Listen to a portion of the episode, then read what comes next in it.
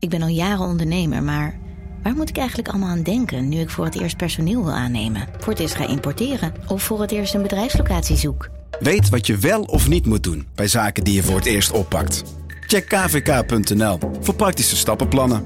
KVK, hou vast voor ondernemers. Al 125 jaar kwaliteit voor jou thuis met Miele. Dat vieren we met jou. Ontvang nu tijdelijk een cashback tot 125 euro op veel Miele-apparatuur. Geniet van de kwaliteit van Miele. Voor perfect verzorgd wasgoed en kleding die veel langer mooi blijft. Voor een stralend schone vaat, even perfect als jouw diners. En een stofvrij thuis waarin echt hygiënisch schoon de standaard is. Check miele.nl voor alle feestelijke aanbiedingen. Vanaf de redactie van NRC het verhaal van vandaag. Mijn naam is Thomas Rup.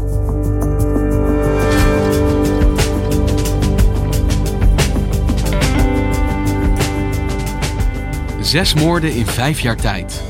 Zo lang duurde het voor de ernst van de drugscriminaliteit onder jongeren doordrong bij de gemeente Amsterdam.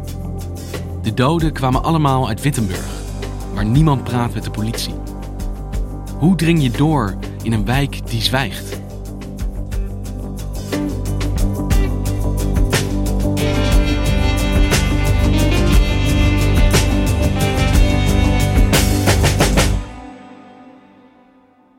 Vrijdagavond 26 januari 2018. In een speeltuingebouw in Wittenburg. Thijs Niemands Verdriet is correspondent voor NRC in Amsterdam. En maakte dit verhaal samen met misdaadverslaggever Jan Meijers. En die vrijdagavond is het daar ja, gezellig druk. Er zijn kinderen uh, in het speeltuingebouw. Er zijn vrijwilligers, er zijn welzijnswerkers. En plotseling staat daar in de deuropening van het speeltuingebouw een man in het zwart met een bivakmuts op, zwart gekleed en met een automatisch geweer in zijn hand. Iedereen kijkt. Er blijkt een tweede man te zijn die ook een machinegeweer heeft, die een pistool heeft, maar ook een bivakmuts op. En die man schiet op een jongen uit de buurt die daar zit en die wordt geraakt. Daarna loopt hij door naar het kantoor, dat zit achter in het speeltuingebouw en daar klinkt nog een schot. Achter in het kantoor ligt een lichaam. En dat is het lichaam van Mohammed, Mohammed Bouchiki, dood. De politie zegt tot op de dag van vandaag: het doelwit was die eerste jongen die geraakt werd. Die heet. Dat is een Surinaams-Nederlandse jongen uit de buurt. Um, wat wel vaststaat, is dat Mohammed de verkeerde was. En dat hij eigenlijk gestorven is voor niets. En dit was landelijk nieuws. Goedenavond. Een criminele afrekening in een buurthuis in Amsterdam. En verschillende mensen raakten gewond. Uh, is er sprake geweest van een ruzie? Of? Uh, ja, er speelt van alles onder die jongetjes en dat uh, weet je niet. Dat gaan ze jou niet vertellen. Dit was natuurlijk echt ontzettend schokkend. een minderjarige jongen, onschuldig, vermoord voor de ogen van jonge kinderen. Hè? Want er waren ook gewoon kinderen van een jaar of tien aanwezig in dat speeltuingebouw.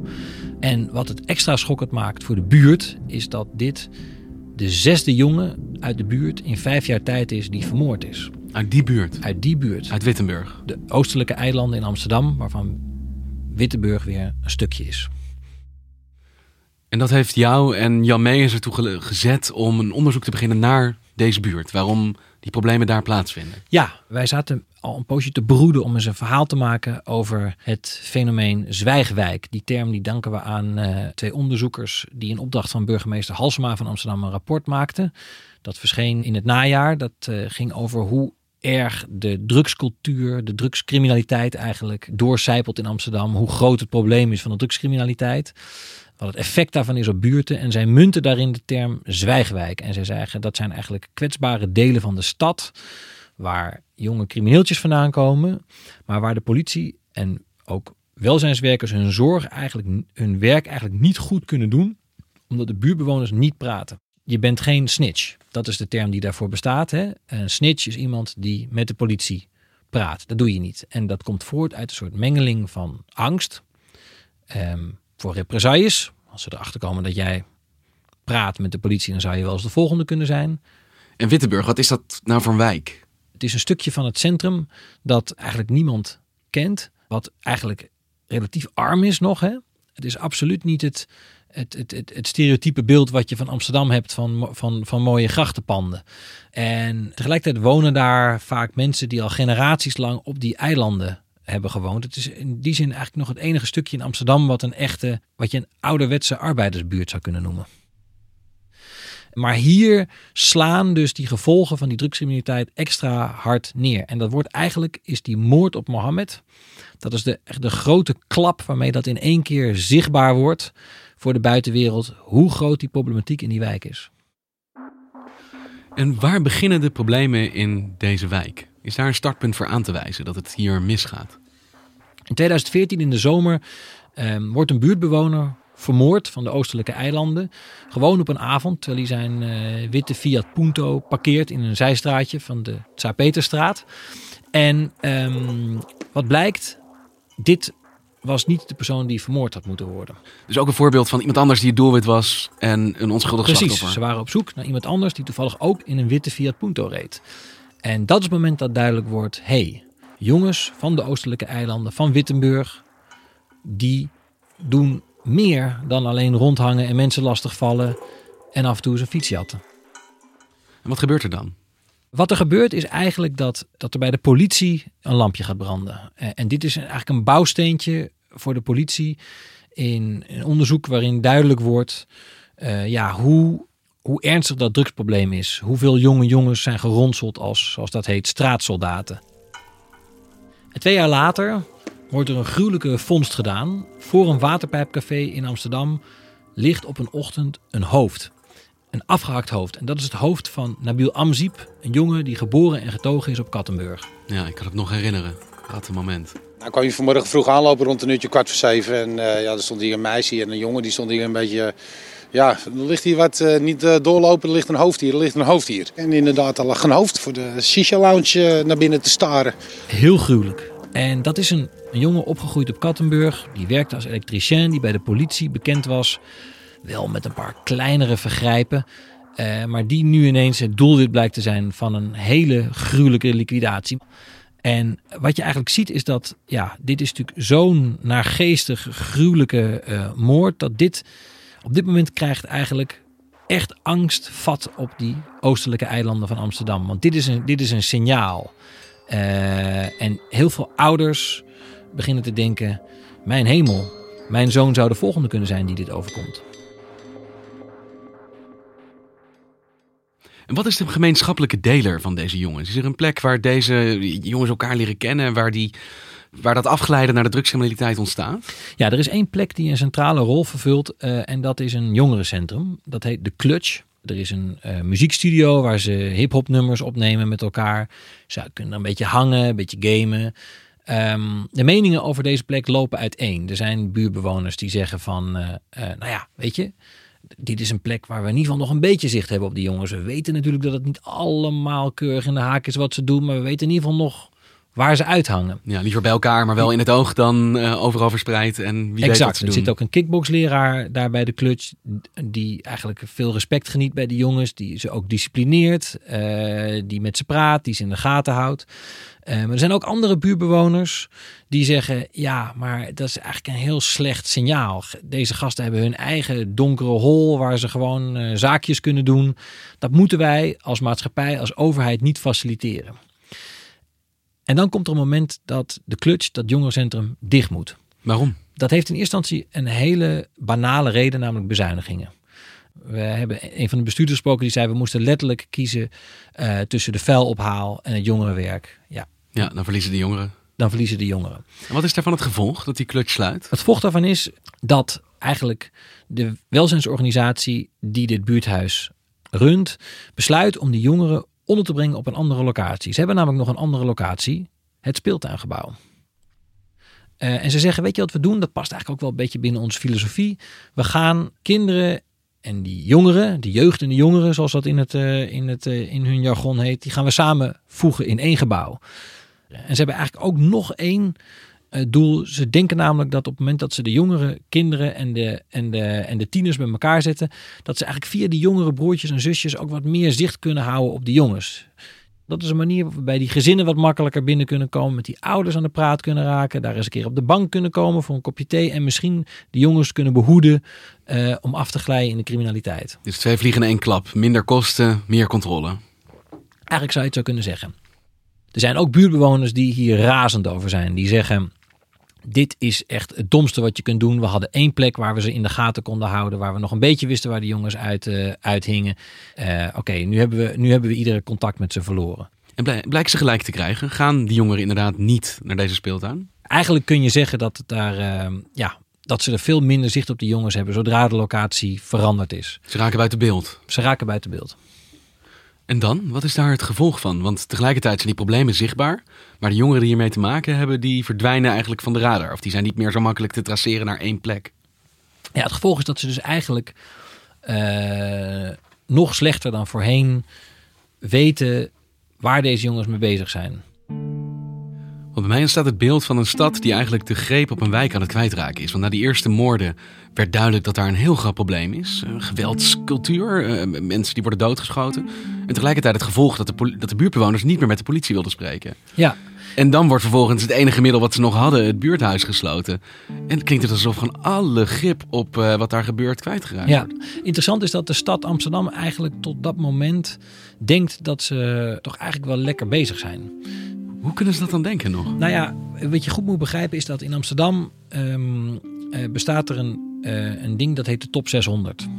Dat is een aanpak uh, die al een aantal jaren bestaat. Die is bedacht door burgemeester Eberhard van der Laan, betreurde burgemeester. Die, en dat is een zeer succesvolle aanpak om jonge jongetjes te pakken. Uh, weer op het rechte spoor te krijgen. Die doen aan zogeheten high impact crimes. En dan heb ik het over woninginbraken en gewapende overvallen. En die uh, lijst, dat zijn de 600 dat meest... Zijn, dat zijn de 600 jongens die het meeste op hun kerfstok hebben staan uh, aan dit soort vergrijpen. die worden in beeld gebracht en allerlei verschillende instanties van politie, reclassering, GGD, GGZ, die werken met elkaar samen om deze jongens weer op het rechte pad te krijgen. Die aanpak die werkt heel goed. Het aantal high-impact crimes in Amsterdam is sinds 2010 spectaculair gedaald. Uh, er zijn uh, veel minder uh, inbraken, winkelovervallen, um, gewapende overvallen. Dus Amsterdam wordt veiliger? Amsterdam wordt veiliger. Dit is... Um, van der Laan is hier ook heel trots op. Uh, bij Zomergasten, dat is uh, een aantal maanden voordat hij overlijdt, is hij te gast. En dan vertelt hij uitgebreid over die top 600 aanpak. Die, die top 600 die heeft een ongenaakbare status in de Amsterdamse politiek en bij de politie. Janine, het is een van de mooiste dingen. Uh, wij hebben een daling van recidive die we vijf jaar geleden niet eens geloofden dat mogelijk was. Van 50, 60 procent. Elk jaar. Dus we zijn over niet al te lang zijn we er doorheen. Maar toch lijkt dat niet helemaal te stroken met het beeld dat jij van Wittenburg net schetst. En überhaupt nee. de liquidaties waar we zelf over horen. Want wat er aan de hand is, is dat Amsterdamse bestuurders eigenlijk niet zien dat die jongens hun werkterrein verlegd hebben. Dus veel van de jongens die eerst aan inbraken en overvallen deden, zijn inmiddels in de drugshandel beland. En wat wil het geval? Drugscriminaliteit is geen criterium om in de top 600 te komen. Dus als jij drugs vervoert en verhandelt. En tegelijkertijd niet ook gepakt wordt vanwege een winkeloverval of vanwege een um, inbraak. Dan kan je dus onder de radar blijven en ben jij dus onzichtbaar voor de instanties. En dat is wat er aan de hand is met een aantal van die jongens. Want het vakje drugs afgevinkt is niet genoeg om op die lijst te komen. Er moet sprake zijn van geweld. Nee, sterker nog, het vakje drugs bestaat niet. Kan niet afgevinkt worden. Is geen criterium. Het gaat alleen maar om die gewelddadige high impact crimes die meteen impact hebben op de straat. Dus ze richten zich op één kant van het criminele spectrum en intussen kan ja. die drugscriminaliteit groeien en Precies. ongestoord ja. zich en uitbreiden. Dat, en eigenlijk zou je kunnen zeggen dat de dood van Mohammed, de schietpartij in het speeltuingebouw um, uh, op Wittenburg, is het moment dat het stadsbestuur eindelijk tot het inzicht komt. Drugs zijn het grote probleem van Amsterdam. En er waren dus zes moorden in vijf jaar tijd voor nodig. Voordat dat besef echt landde, dit is wat we moeten aanpakken. Precies. En uh, één persoon speelt daar een vrij cruciale rol in. Dat is Josias van Aartsen. Van Aartsen is uh, een half jaar lang waarnemend burgemeester in Amsterdam. Nadat Eberhard van der Laan is overleden en voordat Femke Halsema aantreedt als nieuwe burgemeester. En hij is burgemeester op het moment dat Mohammed wordt vermoord in het speeltuingebouw. En hij stelt eigenlijk een hele simpele vraag bij binnenkomst in Amsterdam. Hij zegt: Jongens, hoe zit het eigenlijk met de aanpak van drugs? Lijkt me een legitieme vraag. Lijkt me legitieme Als burgemeester vraag. van Amsterdam. En toch krijgt hij te horen bij een van zijn eerste gesprekken met de politietop, vertelt hij aan ons in het stuk, eh Josias, praten over drugs in Amsterdam is taboe. Thijs, hoe kan dat nou in Amsterdam? Je bent onze Amsterdam-correspondent. Begrijp jij daar iets van? Nou, dat heeft te maken met de, de specifieke manier waarop in het liberale Amsterdam eigenlijk altijd aangekeken is tegen drugs. Drugs wordt namelijk in Amsterdam gezien als een volksgezondheidsprobleem. Het gaat erom dat er eh, mensen, dat er geen mensen overlijden aan drugs. Kijk, dat er daarnaast grote groepen Amsterdammers en toeristen zijn die in het uitgaansleven cocaïne gebruiken, ecstasy gebruiken, andere drugs gebruiken. En dat daar een gigantisch netwerk van criminaliteit achter gaat om deze mensen te voorzien van hun drugs.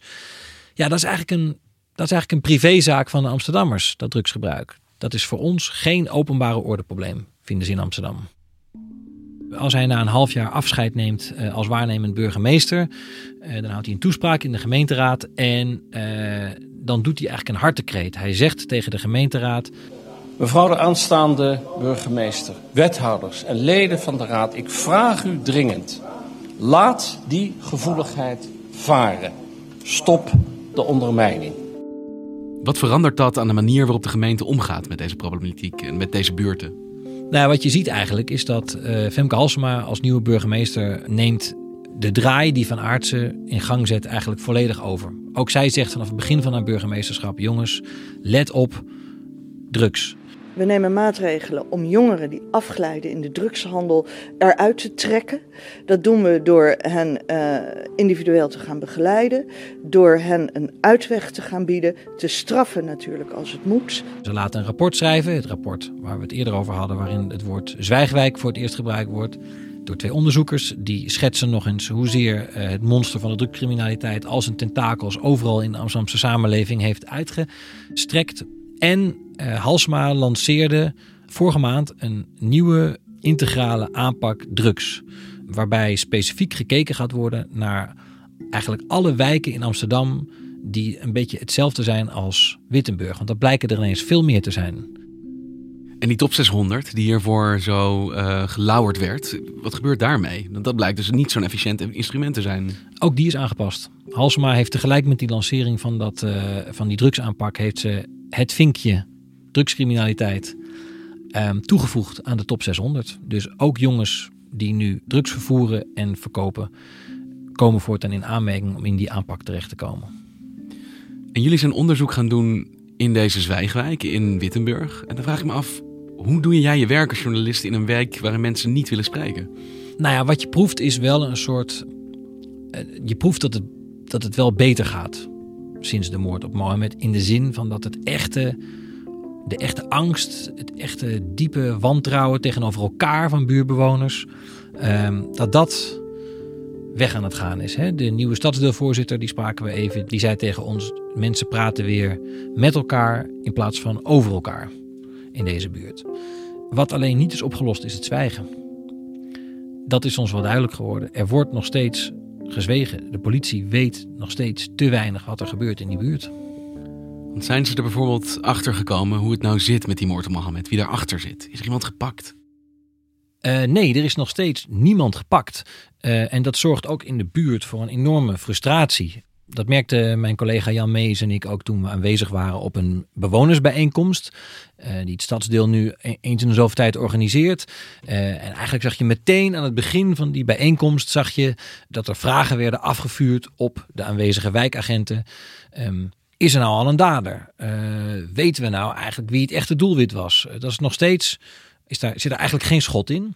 We zijn ook met een actieve buurtbewoner die bij die bijeenkomst aanwezig was, uh, zijn we op pad geweest. Uh, hij is de initiatiefnemer van het Plukbos. Dat is een um, plek, een soort kruidentuin in, uh, in de wijk waar mensen kruiden kunnen plukken. En wij zijn met hem naar het speeltuingebouw gegaan. Um, waar Mohammed vermoord is. En daar hangt nu een plaquette ter nagedachtenis van Mohammed. Lijkt me mooi om die even voor te lezen. Elke dag begon hij met een glimlach. Mohamed was hier stagiair, vol liefde en passie. In de hoop en verwachting van een veilig en mooi bestaan werd dit kind noodlottig vermoord. De herinnering aan zijn glimlach blijft. Mohamed Bouchiki. 1 oktober 2000, geboren 26 januari 2018, vermoord. Maar het is natuurlijk gewoon een visueuze cirkel. Uh, want je hebt die criminaliteit die zorgt ervoor dat mensen bang worden en niet meer met de politie durven spreken. Maar omdat mensen zwijgen, kan die politie die criminaliteit niet effectief aanpakken. Ja, Hoe doorbreek je dit dan? Ja, het wordt, het wordt niet doorbroken. Het is nog niet doorbroken tot op de dag van vandaag. Um, de politie organiseert op een gegeven moment op de oostelijke eilanden een, een hele campagne over meldmisdaad anoniem. De tiplijn waarin mensen anoniem melding kunnen doen. Er worden folders verspreid, worden, door iedere brievenbus worden folder, wordt er een folder gestopt. Er is een, een bijeenkomst uh, waarin uh, uitgelegd wordt dat als jij een, een anonieme typelijn belt, dat het ook echt anoniem is. Dat het niet tot jou te traceren is. je komt niet in de problemen, je meld niet het. in de problemen, meld het, vertel gewoon wat er aan de hand is. En uh, het resultaat is eigenlijk nihil. In zes maanden tijd krijgt de politie één melding van een wietplantage. Eentje. Eentje. Dankjewel Thijs. Graag gedaan. Je luisterde naar vandaag, een podcast van NRC. Eén verhaal, elke dag. Dit was vandaag, morgen weer.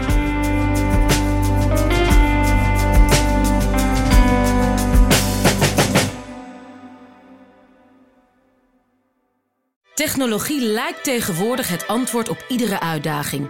Bij PwC zien we dit anders. Als we de potentie van technologie willen benutten, kunnen we niet zonder een menselijk perspectief. Human-led, tech-powered noemen we dat. Ga naar pwc.nl.